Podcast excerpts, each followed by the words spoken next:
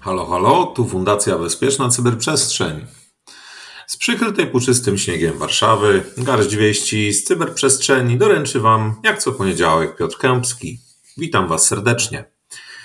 Mamy dziś 12 grudnia, do świąt Bożego Narodzenia zostało mniej niż dwa tygodnie, zaś do końca roku tylko 14 dni roboczych, a więc czasu już niewiele.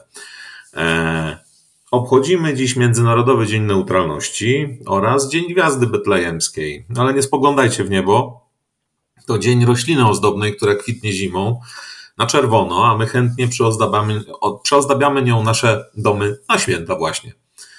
Czy śnieg, który pada za oknem, istnieje w cyberprzestrzeni, tego nie wiem. A czy hakerzy i cyberprzestępcy przygotowują się do świąt? O to wiem z pewnością, że tak. E, cóż, e, my mamy wzmożoną aktywność, kupujemy prezenty w sieci, a oni przygotowują się, aby przejąć nasze środki, zasoby, pieniądze, być może nasze dane.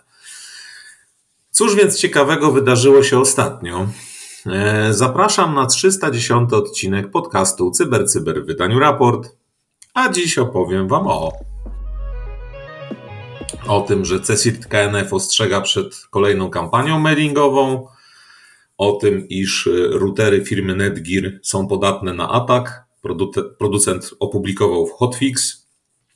O tym, iż w telefonach IP firmy Cisco odkryto krytyczną podatność a także o nowej technice ataku na komputery, które są odseparowane od sieci, o wdzięcznej nazwie COVIDBit, a także o nowym wektoru, wektorze ataku na firewall aplikacyjne, czyli Web Application Firewall.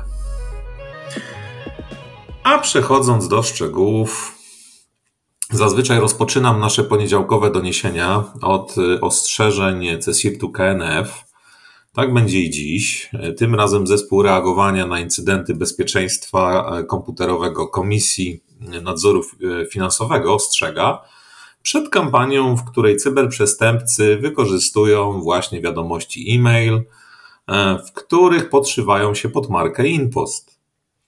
A w treści e, tychże wiadomości, mm, o ile je otrzymacie, możecie przeczytać, iż nie udało się doręczyć niestety przesyłki E, i była to ostatnia próba doręczenia. A w związku z tym przesyłka została skierowana do magazynu głównego.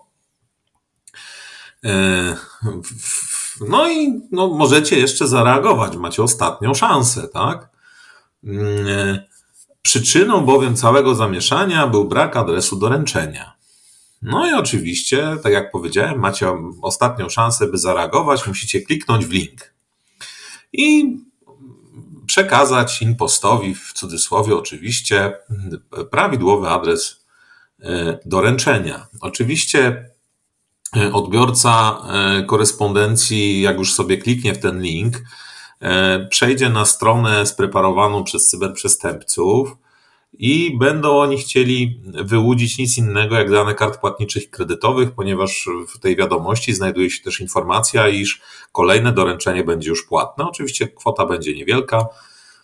Uważajcie na tego typu ataki, zwłaszcza teraz w okresie przedświątecznym, bo okres ten charakteryzuje się tym, iż strasznie dużo kupujecie prezentów poprzez internet i może się tak złożyć, że e, faktycznie czekacie na jakieś przesyłki z impostu i tego typu e, komunikat e, może no, z powodu pośpiechu przedświątecznego wpłynąć na to, że jednak klikniecie w link i no, narazicie na szwank swoje fundusze finansowe bądź też swoje dane osobowe. Więc uważajcie, klikajcie rozsądnie, nie dajcie się oszukać. Przechodzimy do kolejnego newsa. Tym razem y, cała kwestia dotyczy y, routerów y, firmy Netgear. Badacze bezpieczeństwa zidentyfikowali w nich podatność, konkretnie w firmware'ze routera RAX30, to taki model, wyprodukowanym przez firmę Netgear. To urządzenie nosi także nazwę Nighthawk AX5 5 Stream i często jest wykorzystywane jako access point w domu bądź w niewielkich firmach Podatność, która została wykryta, umożliwia nieograniczoną komunikację z dowolnymi usługami poprzez nasłuchiwanie protokołu IPv6 na porcie wanowskim, czyli internetowym urządzenia. I tutaj atakujący może wykorzystać SSH, jak i Telnet które działają odpowiednio na portach 22 i 23. Producent opublikował już łatki bezpieczeństwa. I tutaj e, łatka ta mm, nosi numer wersji 1.0.9.92. Jeżeli macie u siebie e, to urządzenie, to jak najszybciej zaaplikujcie sobie hotfix. Tak aby zabezpieczyć je. Mm, jeśli chcecie więcej, to zapraszam do linków pod naszym podcastem. Tam odnajdziecie również sznureczek biegnący do, do strony serwisu Sekurak, gdzie ze screenshotami możecie przeczytać, jak mógł wyglądać atak z wykorzystaniem tej właśnie podatności. Pozostajemy w obszarze podatności. Tym razem dotknęła ona e, urządzeń firmy bardzo popularnej, jeśli chodzi o usługi sieciowe, a więc Cisco.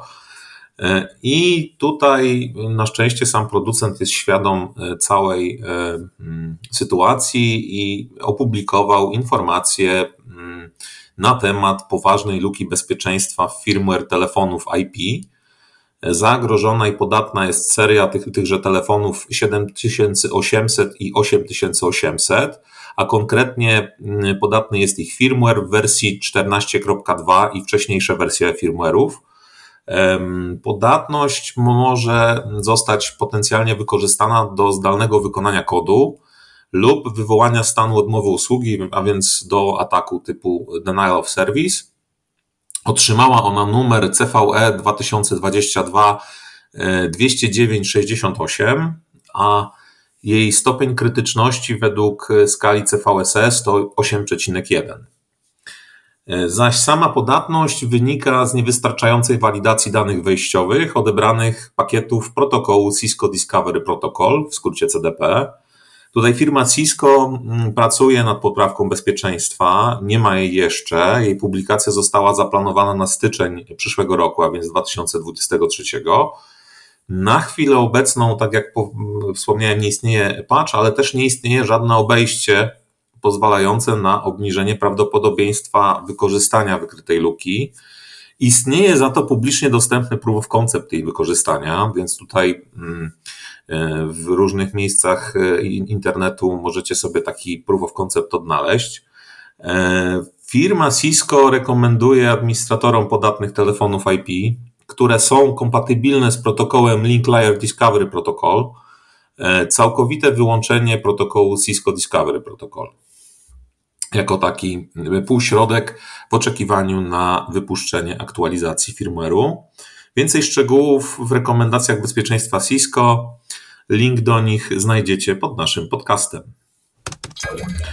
I przenosimy się do Izraela, E, Mordechai Guri, badacz cyberbezpieczeństwa z Ben Gurion University of Negev, e, opublikował artykuł szczegółowo opisujący nową metodę, e, którą można wykorzystać do potajemnej eksfiltracji danych z systemów, które są odizolowane całkowicie od internetu i sieci lokalnych, a więc mowa tutaj o wolno stojących komputerach, które najczęściej są na przykład wykorzystywane do sterowania jakimiś modułami automatyki przemysłowej, czy to w elektrowniach, czy to w jakichś innych mm, ośrodkach krytycznych. Metoda wykorzystuje dynamiczny pobór mocy elektrycznej oraz manipulację obciążeniami procesora w celu generacji promieniowania elektromagnetycznego niskiej częstotliwości. Tutaj mowa o paśmie pomiędzy 0 a 60 kHz.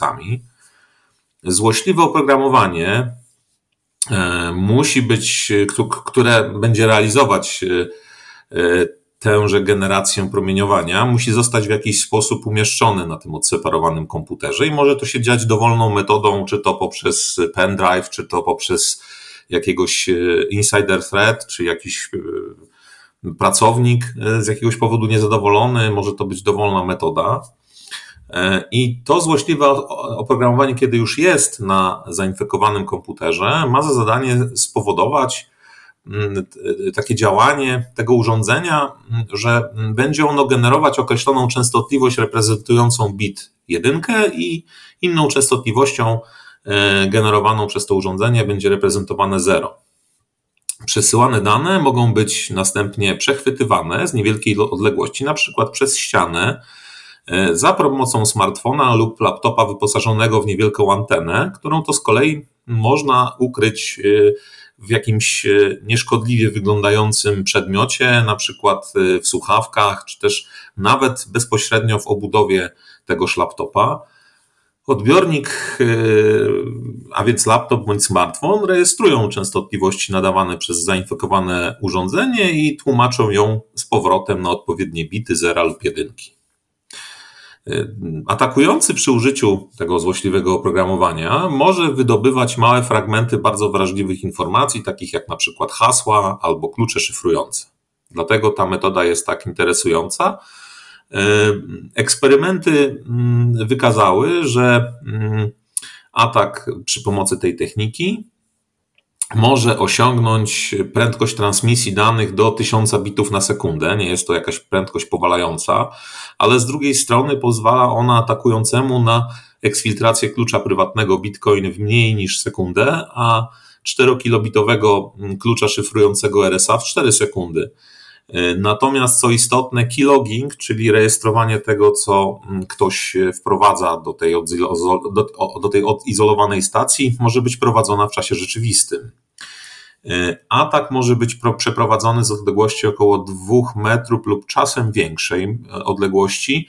Metoda ataku została nazwana mm, COVID-BIT, ponieważ odległość tych 2 metrów jest często zalecana do zapobiegania transmisji wirusa COVID-19. Szczegóły również techniczne, jak zwykle w artykule, link do którego znajduje się wiecie gdzie. E, pozostajemy przy mm, metodach ataku, przy wektorach ataku, zwłaszcza nowo, nowo odkrytych. Tutaj badacze bezpieczeństwa z e, takiej grupy Team 82 mm, oraz z firmy Clarity opublikowali raport, opisujący nowy wektor ataku na urządzenia Web Application Firewall, a więc w naszym ojczystym języku firewall aplikacyjne. E, jeśli nie wiecie, cóż to za urządzenia, to pokrótce wyjaśniam. One służą do mm, filtrowania, monitorowania i blokowania ruchu HTTP i HTTPS do i z aplikacji internetowych. E, I głównie zabezpieczają e, one mm, urządzenia, właśnie na których funkcjonują aplikacje internetowe przed atakami takimi jak cross-site scripting, SQL injection i kilkoma innymi. I teraz, jeśli chodzi o tę wykrytą podatność urządzeń i wektor ataku, to mm, e, atak ten bazuje mm, na dołączeniu składni JSON do mm, ładunków, tak naprawdę do payloadów e, iniekcji SQL, i generalnie, kiedy ta składnia zostanie dołączona przed takim ładunkiem, to e, urządzenie Web Application Firewall nie jest w stanie całego pakietu przeanalizować. Badacze bezpieczeństwa w raporcie informują, iż większość urządzeń Web Application Firewall z łatwością oczywiście wykrywa ataki skierowane na bazy danych SQL, ale poprzedzenie JSONem składni właśnie SQL sprawiło, że WAF nie był w stanie takiego ataku e, zidentyfikować i wykryć. E, jeśli chodzi o to, jakie urządzenia są podatne, to w ramach tutaj badania badacze bezpieczeństwa przeanalizowali urządzenia takich firm jak Amazon Web Services, Cloudflare, F5, Imperva i Palo Alto Networks. E, jak się okazało, wszystkie te urządzenia były podatne na ten atak. Informacje o wykrytym zagrożeniu zostały przekazane do producentów tychże rozwiązań jeszcze przed ujawnieniem wektoru ataku. E, tutaj wszystkie wymienione przeze mnie firmy wydały łaty aktualizacyjne. Jeśli chodzi o Amazona, no to odbyło się to pewnie bezdotykowo, natomiast pozostali użytkownicy fizycznych urządzeń będą musieli sobie te łaty wgrać do swoich systemów. Natomiast tutaj badacze bezpieczeństwa ujawnili całą e, mm, historię tak naprawdę i, i wszystkie dane techniczne związane z tym wektorem dopiero po tym, jak urządzenia zostały y, przygotowane, można powiedzieć. Po prostu została wydana aktualizacja firmware'ów, tudzież oprogramowania na te urządzenia. Szczegóły techniczne, jak zwykle, odnajdziecie w raporcie, link do którego pod naszym podcastem. E, natomiast jeśli korzystacie z Web Application Firewalli, zwłaszcza tych producentów, których wymieniłem, to zaktualizujcie swoje urządzenia, a przynajmniej sprawdźcie, w jakiej wersji firmware czy najnowszej e, w nich funkcjonuje. I to już wszystko na dziś. E, mam nadzieję, że Wam się podobało. Z niespodzianek to do usłyszenia już jutro. Dziękuję za uwagę. Mówił do Was Piotr Kępski. Życzę Wam dobrego dnia. Trzymajcie się. Cześć.